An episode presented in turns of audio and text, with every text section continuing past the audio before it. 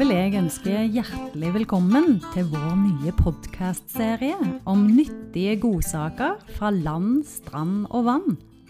Serien er et samarbeid mellom Trondheim sopp- og nyttevekstforening og Norges sopp- og nyttevekstforbund.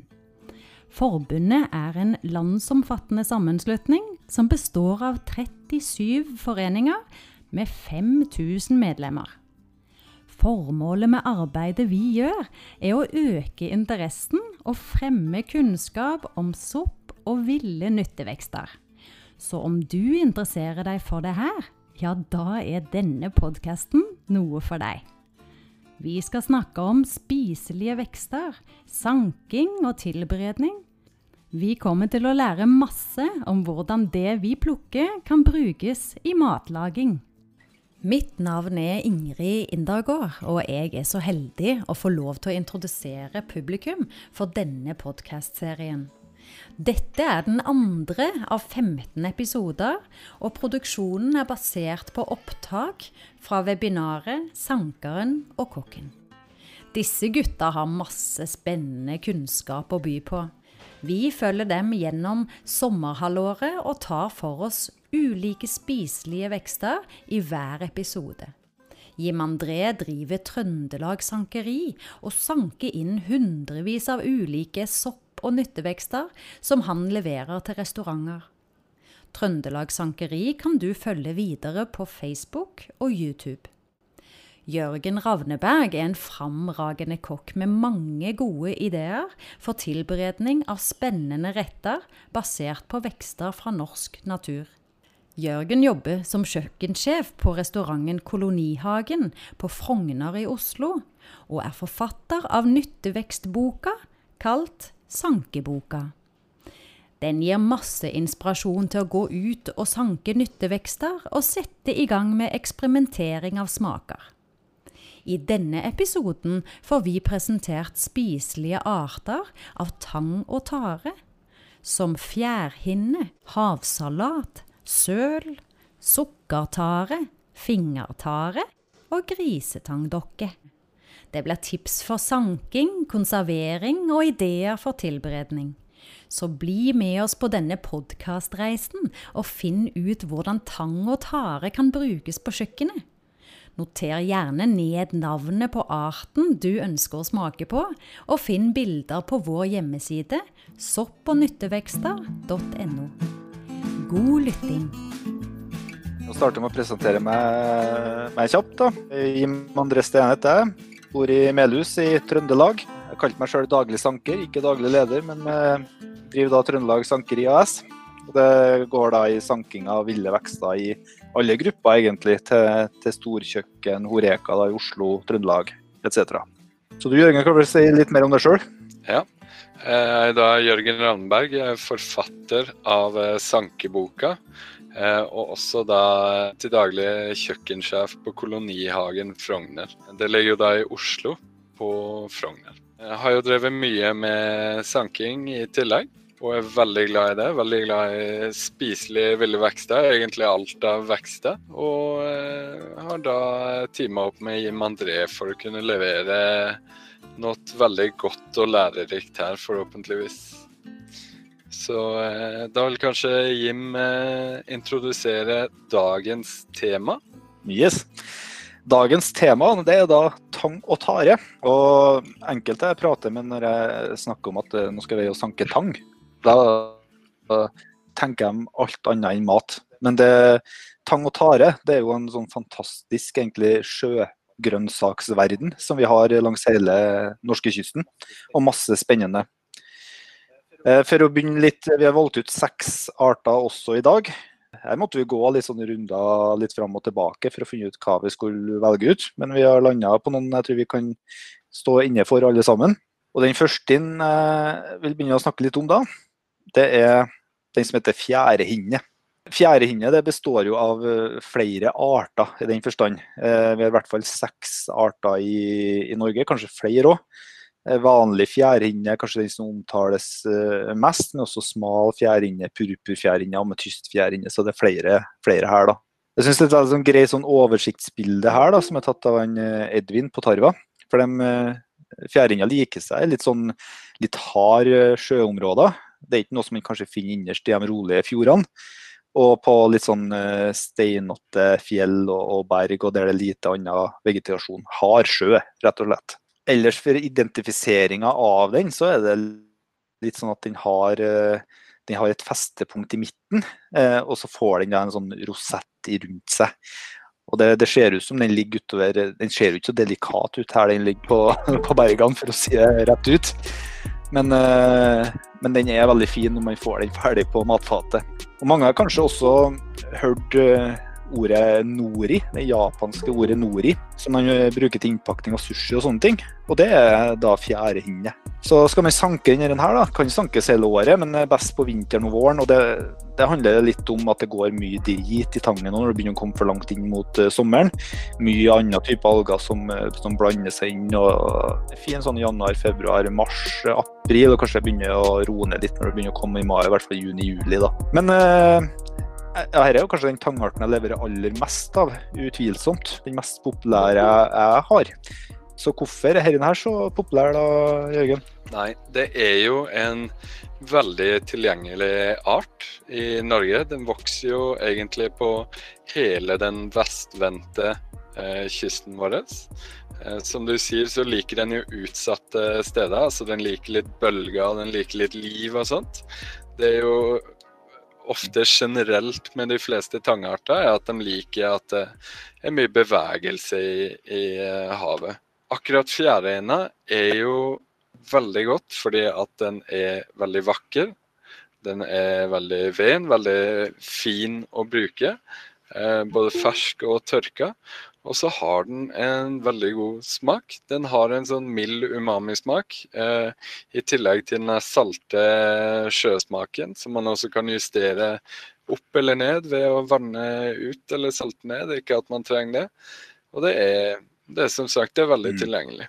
Og som vi så på det bergbildet ditt, så er det, det er jo enkelt å sanke en god del av det. Den er en god favoritt. Ja, og det er sånn som vi leverer den i, i sankeriet, og så leverer jeg den tørka, da, mørktørka. Ikke for mye varme, primært luft og luft, lufttørking. Det som veldig mange av dem jeg leverer inn til, de liker å fritere den her, da, og da bruke den som en sånn crispy topping. Mm. Får en veldig fin grønnfarge, da, sånn smashing grønn.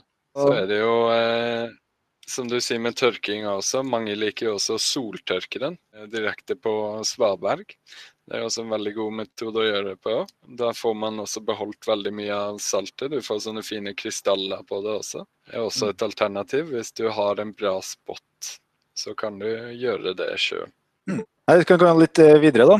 Når det kommer til tang, så har vi jo på en måte tre grunntyper. Vi har rødalger, vi har brunalger og vi har eh, grønnalger. En av favorittgrønnalgene som vi ønsker å trekke fram, det er den som heter havsalat. Mm. For å ta litt sånn mer rundt havsalat nå, den ligner kanskje litt sånn tynt salatblad når man eh, bretter den ut. Men uh, når den ikke er brettet ut, så, så, ser den helt annerledes ut. Mm. Festa på fjell og skjell og andre alger for så vidt. Jeg har jo sett den en del på tau òg. Kystgrønn til mørkegrønn, endrer litt i farge. Og så en sånn gulna kant da under fruktbar sesong. Og her kan bli ganske sånn stor, 10-40 40 cm i, i størrelse. Og så her er sanking av vinteren og, og tidlig vår. Erfaringa mi er at uh, det er greit å vente litt utpå våren, for at den er veldig veldig liten og, og sanker for tidlig på vinteren. Så egentlig fin størrelse på dem i sånn uh, april uh, til midten av mai. Syns egentlig er et fint tidspunkt på denne her. da. Når de går helt ned til en sånn 20 meters dyp, så liker man å dykke litt, så kan dette være en sånn fin art for å dykke etter litt gode spotter på. da. Kan for så vidt forveksles med grønnhinne, som kanskje er nærmest. Mikroskopisk er de enkelt å skille, men det ser man jo ikke så, så enkelt i, ut i felt. Og der eh, Grønnhinna den, den er veldig mye mindre, da. så kanskje, kanskje enklest å forveksle tidlig i sesongen når begge artene er, er små. Men ikke noe farlig forvekslingsart. Jeg syns det er veldig greit generelt å nevne at det ikke noe av de tangartene som er giftig. Så Man kan ikke gjøre noe Her er det bare å hive ja, så, så, Jeg tenker at funker det i fritteren, så funker, så funker det, liksom. Så får Jørgen eh, ta litt utafor der igjen. Alt blir jo godt om du friterer det. Er både fjærøyne, som vi så tidligere, og havsalat. Eneste er at havsalaten er jo til kontrast fra fjærøyne, så har den ikke like mye umami-smak havsalaten vil man jo helst ha for den her litt sånn freshe framtoninga det har på en rett. Det er en renere tangsmak, med note av sjø enn det er av tang, vil man si. Den her er jo veldig godt å eh, ja, bruke ferskt sammen med grønnsaker og fiskeretter og sånne ting. Du kan bruke det i tangsalater. Eh, akkurat her ser vi jo den beste metoden for å lagre og frakte havsalaten. Man blander det i havsalt, så den holder seg fresh, eh, holder seg grønn og fin og uten å gå dårlig. For saltet eh, gjør at bakterier ikke gror, annet enn eventuelt melkesyrebakterier. De er ikke noe farlig. Og så, etter at man har fått det her til seg, eller tatt det her med seg hjem, så skyller man det bare. Og så kan man bre dem ut mens de enda ligger i vann. Så folder du dem ut i sånne flak, og så legger du det over på brett. Og så har du kjempebra garnityr, f.eks. hvis du vil dekke ting, dekke en fiskerett eller dekke grønnsaksretter uten å få en sånn tangsmak som overdøver alt annet, men heller bare supplere litt. da. Så mm. her er fordelen med den her. Det her er antageligvis den desidert beste tangen som man kan bruke rå. Mm. Når det kommer til, til, rå tang, da, og det er jo greit å snakke litt om òg, for at en del eh, tangarter inneholder jo mye jod. Og i rå tilstand, hva tenker du i forhold til det og den havsalaten kontra andre og sånne ting? Havsalaten har jo ikke så mye jod i forhold til mange andre arter, som f.eks. sånn fingertare og sånt som vi kommer til. Så det mm. er jo ikke noe problem å spise havsalat uten å koke den først. Det endrer seg om man skal spise veldig, veldig mye, men der er greia med havsalat at det er en mer sånn Det er en garnityrtang, på en måte. Mm. Det er ikke den du lager matretten din på. Men så kan man jo også mm. tørke den, selv om man mister mye smak. Det smaker bare litt salt tang, og da blir den jo kjempebra som et sånt grønt pulver for en siste finish på retta. og sånt. Så eh, havsalat foretrekk rå. Jeg trenger ikke mm. egentlig å forhåndsbehandle den uten å bare la den ligge i salt og så skylle den når du skal bruke det. Mm. Her jeg i hvert fall ei sånn god femlitersbøtte med havsalat. Klarer den. Ja. Lukter fantastisk. Det gjør det. Det gjør det. Frisk og fin eh, råvare. Hva tenker du om eh, lagring? Jeg kjører dem jo sånn her, bruker en sånn 1 åttendels, kanskje kjører opp 1 kilo havsalat i en sånn boks og 1 åttendels uh, havsalt. Hva tenker du rundt holdbarheten og lagringa av dem etter å ha gjort sånn? Du, det holder seg veldig, veldig lenge. Etter noen måneder så vil det kanskje begynne å gå hull på tangen fordi at den salta har, eller at de har blitt litt bearbeidet og den blir perforert av de havsaltbitene. Men eh, mm. bortsett fra det så holder den seg veldig, veldig lenge. Eh, så du kan godt plukke opp eh, for et månedsforbruk og bare la det ligge sånn der i kjøleskapet. Det går helt fint. Ja, mm. det er kult. Ja. Det er sikkert mange som tenker å plukke tang som kanskje ikke vet de skal gjøre med den med en gang. Så det kan Nei. være greit å ha den litt på luringa. Ikke sant. Nå skal vi tilbake til en uh, rødalge. Søl. Det har gaffeldelte, ganske brede blader. Eh, litt vanskelig å se på bilder, men den her kan bli ganske sånn Ja, ikke sånn tarestor, men sånn 10-50 cm eh, høy, kanskje. Ja, litt i den, den størrelsen. Mm. Og ung søl den er veldig sånn frisk og rød fargene. Den blir litt mer sånn burgunderrød når den blir litt sånn gamlere. Det ser man kanskje også på sånne søl som er slengt litt inn på land og festa, ja, som, er, som er oppe i fjæresona. Ja, mm. litt sånne. Her kan du finne litt dyp, men det, det er fint, fint mulig å finne dem i gode fjærer òg. Må ikke dykke etter den nødvendigvis. Men den veksten ned til 20, 20 meter òg. Vanlig langs hele kysten.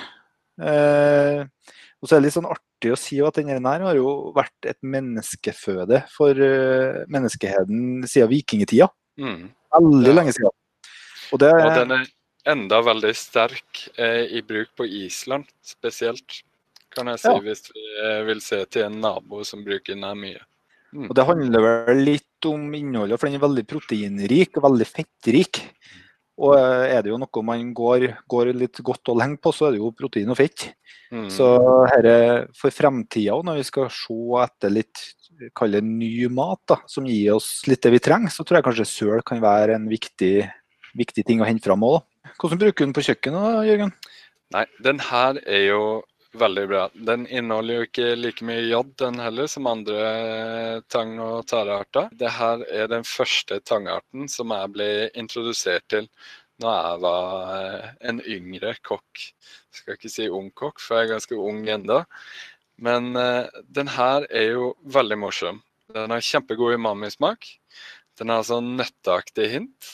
Og den er Altså, hvis du gir den et skyll, så er den veldig behagelig salt. Eh, den er ikke overdøvende.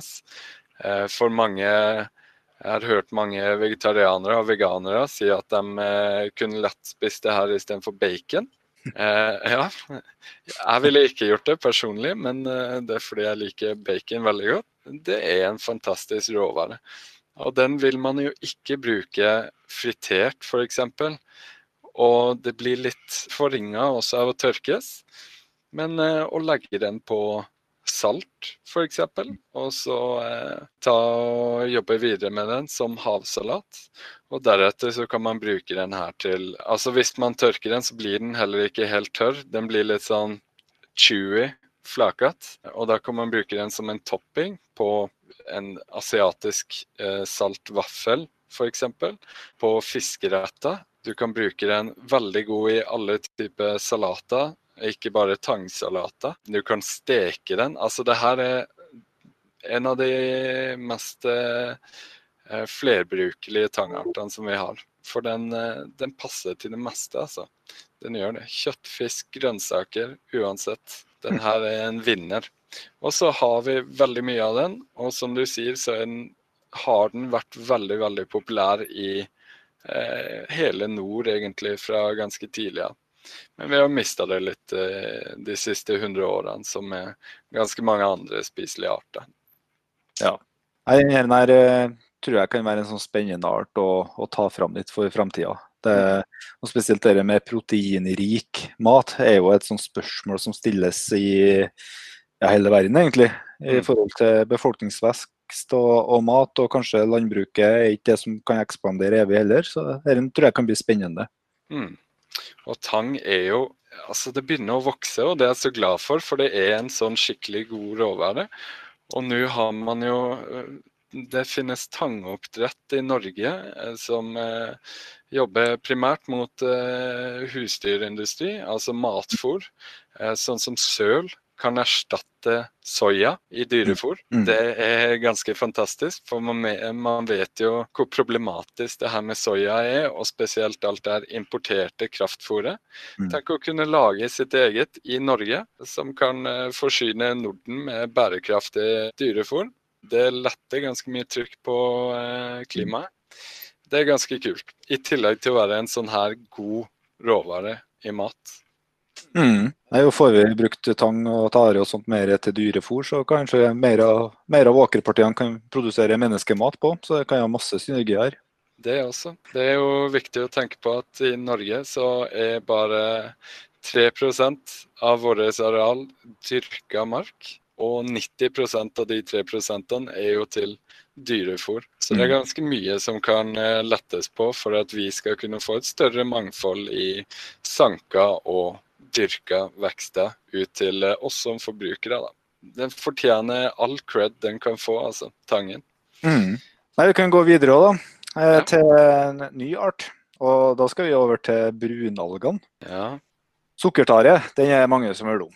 Og Hvis ikke, så får dere høre om den nå. Eh, Sukkertare det er en veldig stor tare. Og, og tare er på en måte dem som er dypt ute i sjøen ofte. Man finner her nede oppe og, i fjæra som stikker opp. Og, Det som kanskje ikke folk er klar over, er hvor stor den kan bli. Den kan, eh, den kan bli opptil 40 meter eh, lang. Mm. Det, det er helt hinsides hvor stor den sukkertara kan bli. Det som kjennetegner den litt, da, det er at den er krusete. Bølgete krusete på begge, begge sidene. Båndforma. Ja, liker seg djupt, helt ned til 30 meter. Kan være sånn grei å dykke etter. Jeg tror nesten jeg har blitt litt sånn smånervøs hvis jeg kommer over en sånn 40 meter lang sukkertare. Da tror jeg har blitt litt redd, faktisk. Si det som det er. Eh, Du har jo sett bilder av de her eh, tareskogene med sukkertare. Det er ganske fantastisk og skremmende samtidig. Uten tvil. Og så er det liksom greit da, når det blir sånne store tarer. Det som er det er greit å ha med litt hva er den friskeste og beste delen av tara. Og da er det ofte fra bunnen av på sukkertara at den er liksom nyest og, og friskest. Så ikke gå og klipp toppene av sukkertara, da er det heller bunnene du vil, vil ha med deg. Men husk å la stilken være igjen, Mm. så den kan gro tilbake igjen eh, senere. Ja. Så krusåt på, på begge sidene har en stilk med et festeorgan. Ikke noe sånn eh, tydelig sånn midtribbe som eh, bl.a. buetare har og sånne ting. Så er denne veldig grei å kjenne igjen. Det er egentlig ikke noe sånn forvekslingsarter til sukkertare sånn, som jeg ser det. Men her er det òg snakka litt sånn om eh, jod, som er et sånt tema. Mm. Så hva har du hørt der, Jørgen? Nei, den her har jo større mengde jod. Og da kommer jo det her inn med at man skal koke den litt, eller forvelle den før bruk. Og det må man jo uansett, fordi at den her er ganske kraftig. Og som du sier, den kan bli 40 meter lang. Da må man Mm. eh, bearbeide den litt. Og da må man egentlig eh, forvelle den i minimum 30 sekunder før man har den over i kaldt vann. Og deretter kan man tørke den eller bruke den videre. Det som er morsomt med sukkertaren, er jo at den er som man hører i navnet òg, litt søtlig i smak. Samtidig som at den smaker litt salt, litt jod og eh, litt sånn nesten litt smått lakrisaktig. Mm. Og er veldig morsom å bruke til mat. Min favoritt er jo å koke denne her til den blir nesten mør, og så rulle inn om det skulle være seg grønnsaker eller fisk i sukkertara. Og så kan man enten la den være sånn, eller feste med en tannpirker imellom. Og så griller man råvaren, eller steke, eller bake inni tangen. Og da vil jo det du tilbereder inni der, få en sånn eh, smak med god aroma fra tara. Og så kan man bruke tara osv. Og denne her passer jo også veldig fint i tang-tare-salat. Og til tørking så gir den veldig, en veldig fin, morsom smak i form av pulver, som man kan bruke i bakst eller i, i kraft eller sånne ting, som en smaksforsterker istedenfor Ikke et verdig supplement til steinsopp, men du får en umami-smak der som eh, fungerer litt på linje med steinsopp og sånne ting. da. Veldig god bruk til mye rart. Min favoritt. Pakk den rundt Mm. en råvare og tilbered råvaren inni den. Mm. Litt sånn som man gjør på fisk Ja. eh, og sånne ting på, på vidda med aluminiumsfolie. Så bytte ut det med sukkertare. Nettopp. Aluminiumsfolie er ikke bra for miljøet. Litt eh, tare gjør ingenting for miljøet om du pakker inn eh, råvarene i det. Ja. Det er Ja. bra i grillsesongen nå. Så tar du bare og eh, sanker Mm. litt, og så koker du det. Er på tur eh, i fjæra. Koker det, og så tar du opp, og så pakker du det inn, og så kan du legge det ved siden av bålet eller noe sånt. Så er det en kjempegod idé. Ja. Er til gode å prøve bakepotet inni det, men jeg vil tro at det kanskje kan fungere ganske godt. altså. Ja. Det som er litt uh, vanskelig med bilder, her, er at den er så lang. Og så er jeg ofte alene, så står jeg liksom med handa sånn ut der, da. Så det, den blir litt sånn avkutta veldig ofte. Så jeg må jobbe litt med. Men jeg fant, jeg fant et bilde her da, som var fra Wikipedia, og det kan jeg bruke. Så jeg ser dere litt hvor stor den kan bli. Og så møte en sånn tareskog nede i bunnen, da, blir man litt nervøs. Og så ser det ut som ryggvirvlene til en dinosaur. Det er jo helt eh, vanvittig. Fantasien løper løpsk på havets ja. dyp. Jeg er redd nok eh, som det i, i fjæra. Altså. Jeg skjønner den. Det er faktisk jeg også. Det er bare noe med det der å skal begynne å tråkke ned eller svømme ned når du ikke ser bunnen eller ser hva som er nede blant tangen. Ja. Det er litt eh, det er lov å være litt nervøs da, altså. Syns jeg. Ja, litt redd er det å være. Jeg for min del har jo en litt sånn Jeg er jo rett og slett redd krabber, så jeg sliter jo litt hver gang jeg er nede i fjæra og, og Det jobber. er ikke noe, det er Sånn ikke noe kongekrabbe rett nede i fjæresona som eh, kommer til å ta deg, altså. Bare for å betrygge deg litt på det. Det høres, høres bra ut. Jeg skal gå litt videre. Vi skal fortsette litt med, med brunalgene. da. Ta nok en litt stor en. Da har vi den her. Den heter fingertare. Og Dette er også en stor, stor tare. For å ta litt sånn kjennetegn på den også. Ja, lange blader. Litt sånn, litt sånn spagettilignende. Og samtidig litt sånn, sånn, sånn løse fingre. da. Det er noe sånn du kan bli litt sånn skremt over den fjæra. Liksom ligge og vifte med fingrene oppi overflata. Mm. Styrken rota fast til fjell eller sjøbunn. Og det er greit å si at på fingertare så er det òg en del andre arter som ligner. Først og fremst så skal det sies at de er ikke giftige. Må bare presisere det igjen. Alt kan spises, bare varierer litt hvor godt ting er. Mm. Men eh, kan ta fram på en måte kanskje stortare, også draugtare, for men stortare som et eksempel som er ganske vanlig. Ja, kan vi skal si i forhold til forskjellene, Hvis man kikker på fingertara, den er som ei hand på en måte som går oppover sånn, men den, eh, den stortara den får en sånn, sånn hjertebøy ned, for den går opp. Fingertara går rett opp sånn. Og så stilken eh, er det òg ganske store forskjeller på. På den fingertara så er den veldig bøyelig, den stilken. Men på stortara så er den stiv og treaktig og mer sånn trevlete.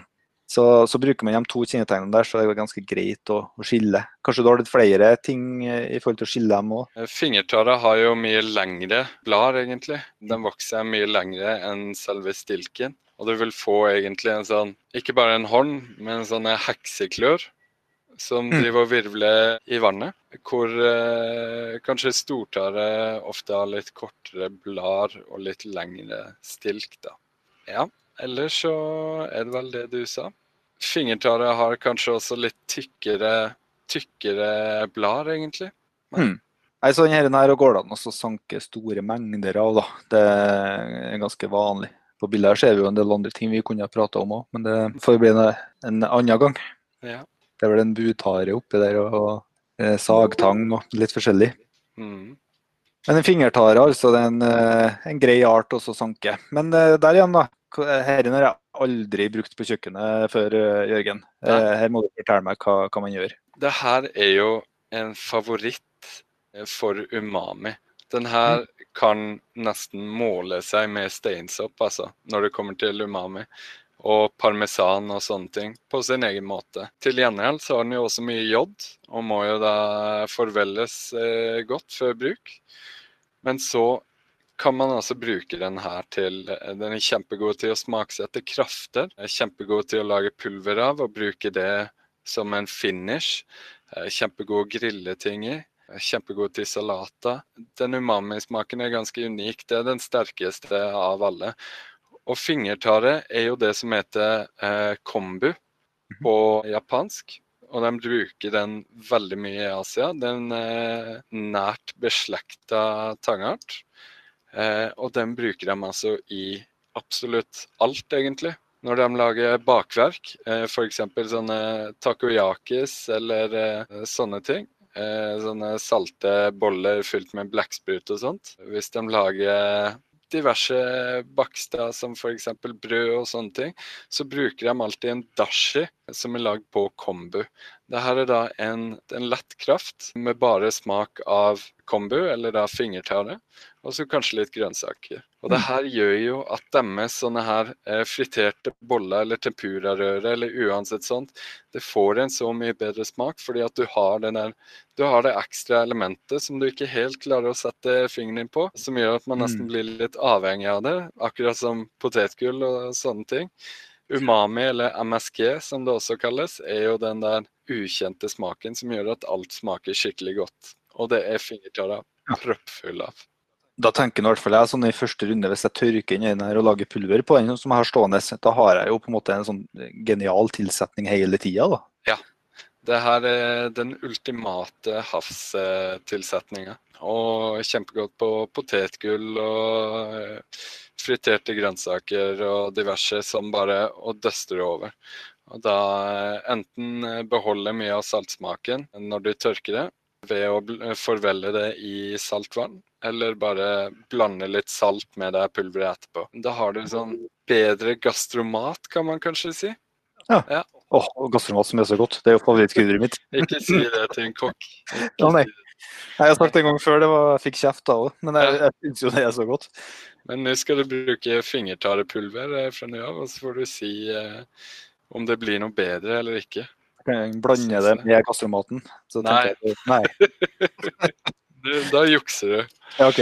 Men kan du lage, lage tangsalt? da? Er det en mulig sånn blande med salt, Mm. for eksempel, eller sånt? da? Ja, det er veldig bra. Å bruke fingertare som det. For den har eh, det umami-smaken man vil ha der, Mm. rett og slett. Jeg vil avslutte litt med det, Vi har snakka litt om de tareskogene som er skikkelig fjære. da, Så kan man se sånne ting. Her er mye krydder, for å si det sånn. Mhm. Det skal ikke stå på tilgangen. Så bare ut og lete etter fingertareskogene. Nettopp. Jeg må jo ta fram en ting til, og det er veiet det er mange som er veldig nysgjerrig på. da. Og Det ligger litt sånn to arter i én her nå.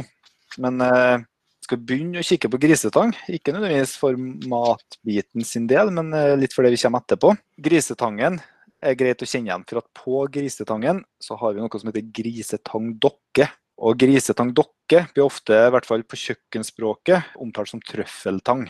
Men det finnes veldig mange sånne dokker. Og jeg har fått veldig mye bilder fra folk som er ute og leter trøffeltang. Og det man må vite først, er å lære seg grisetang. For at grisetang grisetangdokke den vokser på grisetang. For å kjenne igjen grisetangen, så hvis dere kikker på der, eh, bildet til høyre der, så ser dere at på midten så er det sånne store klumper nedover den midtranda. Og det er kjennetegnet på grisetangdokka. Og de utvikler vel det første, den klumpen, da, utvikles vel i treårsalderen, og så får den en sånn en år for år. Så det er vel nesten som en sånn form for årringer til trær òg, går det an å tenke det som. Ja. så det, det syns jeg er veldig greit å få fram, de klumpene som er på midt, midtstyrken. Og da, sånne røde, rødbrune dotter, krusdotter, som, som henger på. Det er da en parasitt da, som vokser på den grisetangen. Og det er akkurat den der vi ønsker og, og vil ha. da. Så ser man at det er sånne rødaktige, rødbrune tråder. da. Og hvis dere rister den der, rister, rister, så vil den eh, bli litt sånn fluffy. litt sånn, sånn Spredt opp nesten som en litt sånn afrohår. Sånn, og det gjør ikke nødvendigvis de andre dokkene. Det som kanskje er enda mer karakteristisk, er at den har den trøffellukta. Så den her er veldig grei å lukte seg fram til. Det er jo det som er det fantastiske med den her. At den har trøffellukt, aroma mm. og også smak. Ikke minst smak. Vi har trøffel her i Norge òg. Den det kommer i tangversjon. Vi har for så vidt trøfler i soppversjonen, men det er ikke de trøflene som har den trøffelsmaken som vi vil ha. Det er litt pirk med denne her, da. Det for det første så må den eh, renses litt godt. Eh, Er man unøyaktig på rensinga på denne her, så, så er det ofte med en del sånn smådrit i den, da, eh, idet man uh, tørker den. Og da blir det verre å få det ut etterpå. Så få den opp ferskt, og så rense litt godt før man tørker. Her liker jeg å lufttørke den. Nå er jeg sånn mørktørke akkurat nå, da, så er det fra i fjor. Og soltørke og ta den. Og jeg får mye tilbakemeldinger på at det er i tørka tilstand, for at den beholder mest aroma da, og fungerer best. Og denne her har jeg levert eh, helt ned til, til Frankrike. Veldig begeistra for den eh, grisetangdokka. Har jo et lite bilde fra når jeg var på en visitt eh, i Oslo sist. Traff jeg jo på deg og Jørgen, og vi spiste Ja. vel samme måltid òg. Ja. Her var vi vel på Bon Lio og spiste kråkebolle med trøffeltang. Mm. Og jeg skal faktisk være helt ærlig og si at jeg var litt over snittet skeptisk. Jeg har jo sett kråkeboller før. Jeg syns ikke de ser sånn kjempeherlige ut, men dette var faktisk veldig, veldig godt. Mm. Men det ser jo ut som eh, masse små blodårer, egentlig. Ikke Og så er det så fantastisk. Så, Hvordan bruker du denne her du da, Jørgen? Den er jo en substitutt for trøffel, en norsk eh, havstrøffel. Mm. Det som er mest brukt med den nå, er jo at man blander den med salt. Og det fungerer jo greit, det. Men den her holder seg jo best hvis man tørker den, og så legger man i en luft- og lystett boks. Så får du beholdt mest mulig aroma. Fersk så smaker den eh, svakt av trøffel, men det går bort veldig fort. Den blir dårlig på eh, ganske kort tid, da. Og det er jo altså best måte å tørke det på. Deretter så kan man bruke den som man ser her, som et sånt garnityr bare rett på. Man kan lage et pulver ut av den. Man kan smaksette sauser med den. Ha det med stekte grønnsaker og sånt for å, eh, for å få uppa smaken litt. og Bare ha det på slutten. Eh, Men det er altså en eh, smaksforsterker, det her. Og den er ikke en bombe på samme måte som trøffelen er. Men du har en veldig fin og behagelig trøffelsmak. Det er veldig kult, og den ble jo populær først for tre-fire år siden, eller noe sånt. Og siden har det bare vokst. prisen har jo også økt, fordi at som du sier, så er det jo ganske mye rensearbeid i den her. Og en Mm. masse sånn småkryp og sånt som man får med om man eh, ikke renser den godt nok. Men eh, den er verdt det. Det er en veldig kul råvare som vi har ganske mye av her i Norge. Mm. Så Mm. det anbefaler jeg virkelig å gå ut og eh, prøve å finne. Og som du sier, så er det jo best da å holde seg til eh, grisetangen når man skal identifisere den her. Den vokser jo på visse andre tangarter, men eh, det er ikke så mye. Og bortsett fra det der med å riste den og se om den holder formen sin, så må man ned på mikroskopisk nivå for å se forskjeller på de her eh, snylteartene. Mm. Der også er det jo greit å, å si at du har ikke, du har ikke giftige, må jeg bare presisere det. Nei. Så det verste som skjer, er at man går glipp av den gode trøffelsmaken. Eh, så det er, ikke, det er ikke noe farlig. Og jeg er ganske nysgjerrig på å teste ganske mange av de andre røddokkene òg. Jeg har testa ganske mange, og det er litt som å tygge på hår, egentlig. Kan jeg fortelle. Litt sånn mykt hår. Så det er ikke sånn eh, kjempegodt, Nei. egentlig. Men da, da har du kommet litt til forkjøpet der. Da går Ja. jeg heller på en del andre. Ja. Vi vi snakka jo litt om det før foredraget, jeg og Jørgen, at vi, det er my mye andre ting vi ønsker å teste ut litt mer av òg. Det er ikke helt nybrutne, men det er ganske mye tangarter der som, som er spennende å se litt mer på. Og til forskjellige funksjoner. Vi snakka jo en del om bruk av krusflik, bl.a. Ja, litt sånn stivelsesmiddel og umani, og, og se litt på det. Polpryd. Eh, Ja, det er ganske mye, mye egentlig som er spennende. Ja, jeg kan jo fortelle litt om det også. Det som er veldig bra med tang, i tillegg til at eh, mye inneholder protein og veldig mange mineraler og vitaminer som er veldig bra for oss, så inneholder veldig mange av dem et naturlig gelatin. Visse inneholder agar-agar som et substitutt for gelatin, som fungerer på samme måte. Det som plantegelatin. Mange vegetarianere og veganere bruker det her istedenfor gelatinplate. Godteri og iskremer som skal være sunnere og sånt, får mer og mer sånne produkter i seg for å senke kalorimetninga, men fremdeles øke fastheten i produktene. Sånn som den her, eh, og mange andre inneholder f.eks. karagen, som er et fortykningsmiddel. Veldig morsomt. Du kan bruke det ja, som eh, maismel eller potetmel. da. Og Det er jo bare noen av de her kvalitetene som er så fantastisk med alt det her vi har i havet. Det ser man jo eh, sånn som såsa og sånt. Det her molekylære gastronomien. Der har de kommet veldig langt på det her, å bruke tang istedenfor animalske produkter eh, som er tykningsmidler. Så det er masse man har lært, masse man enda kan lære. Og det er jo masse man kan bruke denne tangen til, som Mm. eh, ikke er blitt gjort ennå. Og det er det som er så morsomt med havet sitt skattkammer, at det er ikke bare skalldyr og fisk, men det er veldig masse skikkelig god tang som har veldig mange bruksområder, og faktisk kan være en ganske stor del av eh, fremtida når det kommer til å mette både mennesker og dyr. Absolutt. Fjæra er så spennende. Og vi har også det halvåret som har vært nå testa i flere runder det med tanglopper òg, som bruk i, som mat. Så det, det er ganske mye artig nedi fjæra tror jeg, som vi kan benytte oss av i framtida. Som det er store store mengder av, og som det går an å høste bærekraftig. Mm. Men det, det inneholder jo jod og kan inneholde litt mengder arsenikk og sånne ting. Mm. Det gjør jo det meste vi har. Mm. Men eh, det er bare å ta forhåndsregler og forvelle dem det trengs med. Og ikke spise altfor mye av det, men det gjelder jo det meste. Så er man ganske safe, altså. Mm. Så er det her en kjempegod råvare.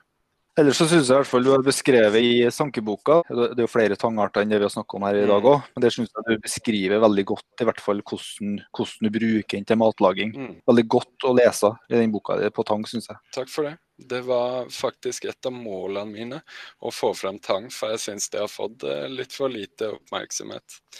Mm. Eh, der kan man jo til og med bruke blæretang. Det er jo kanskje Eller det er ikke den mest spennende stangarten vi har, men vi har jo ganske så mye av den. Det er ganske, ganske morsomt og upløyd mark, vil jeg si. Absolutt. Ja. Og for å avslutte litt i forhold til den plukkebiten på tang, det er viktig å tenke, tenke litt bærekraft når man plukker. Mm. Eh, skal man ta opp tarer og sånne ting, klipp stilk, men ikke rive opp eh, røtter. Mm. Og så er det samtidig eh, gå litt eh, ut i sjøen, ikke ta det som er skylt opp på land og det som er gammelt og, og sånne ting. Og så jeg bruker for min del jeg bruker både soppkurv har jeg brukt, og handlekurv, som, som gjør at vannet hele tida renner igjennom når jeg sanker. Soppkurva er helt genial, for den, den flyter oppå vannet. Så jeg liker faktisk å plukke tang med soppkurv. Ha med ei eh, god saks og være, være bevisst på at den kanskje ruster opp etter hvert. Så det, det er litt forbruk på tangsakse for min del. Må kanskje ha litt sånn rustfritt stål, kanskje er litt lurt. Det er akkurat det. Ja, og så ta med og så få gjort noe med den med en gang. Skal man ha havsalat og sånne ting, få den på Blande den med havsalt og få lagra den eh, fort. Ikke, ikke la det stå i all evig tid. Eh, og tørk ting også kjapt hvis dere skal tørke det. Og det, det er det som går igjen. Lagre på, på salt i en lukka boks og ha det kjølig, eller tørke tørk det ganske kjapt da med lite varme. For tang kan jo også gå dårlig, og da blir den ikke noe god å spise, og så lukter den eh, ikke så godt. Mm. Rett og slett. Da lukter det en gammel fjære. Så eh, akkurat som med andre vekster, så burde man ta seg forhåndsregler med en gang og ta godt vare på dem. Og som du også sier, bærekraftig sanking er viktig. For selv om vi har utrolig mye tang, så er det jo en del av et økosystem, og det må vi også være med på å bevare, da. Mm. Absolutt. Ja, da tror jeg vi har vært gjennom litt uh, det vi tenkte. Ja, da tror jeg jeg sier ha det bra til alle sammen. Takk for at Ja. dere kom. Takk for uh, besøket. Takk for oss. Tusen takk til Jim og Jørgen for deling av nyttig kunnskap om havets spiskammer. Vi håper det har vært berikende og til inspirasjon, slik at nettopp du tar turen ned til fjæra og plukker med deg litt godsaker. Var det noe nytt du ville dele med en venn eller kollega? Eller noe du vil overraske familien med til middag eller dessert? Det kommer flere episoder i denne podkastserien, så husk å abonnere på denne podkasten. Del den gjerne med de som du tror både kan nyte og ha nytte av den. Masse å glede seg til fremover her. Bli med oss også i neste episode. Da skal Jim André og Jørgen ta oss med på nok en kulinarisk reise. Vi skal da lære mer om matauk, nytte og sanking fra trær. God sanking og på gjenhør neste uke.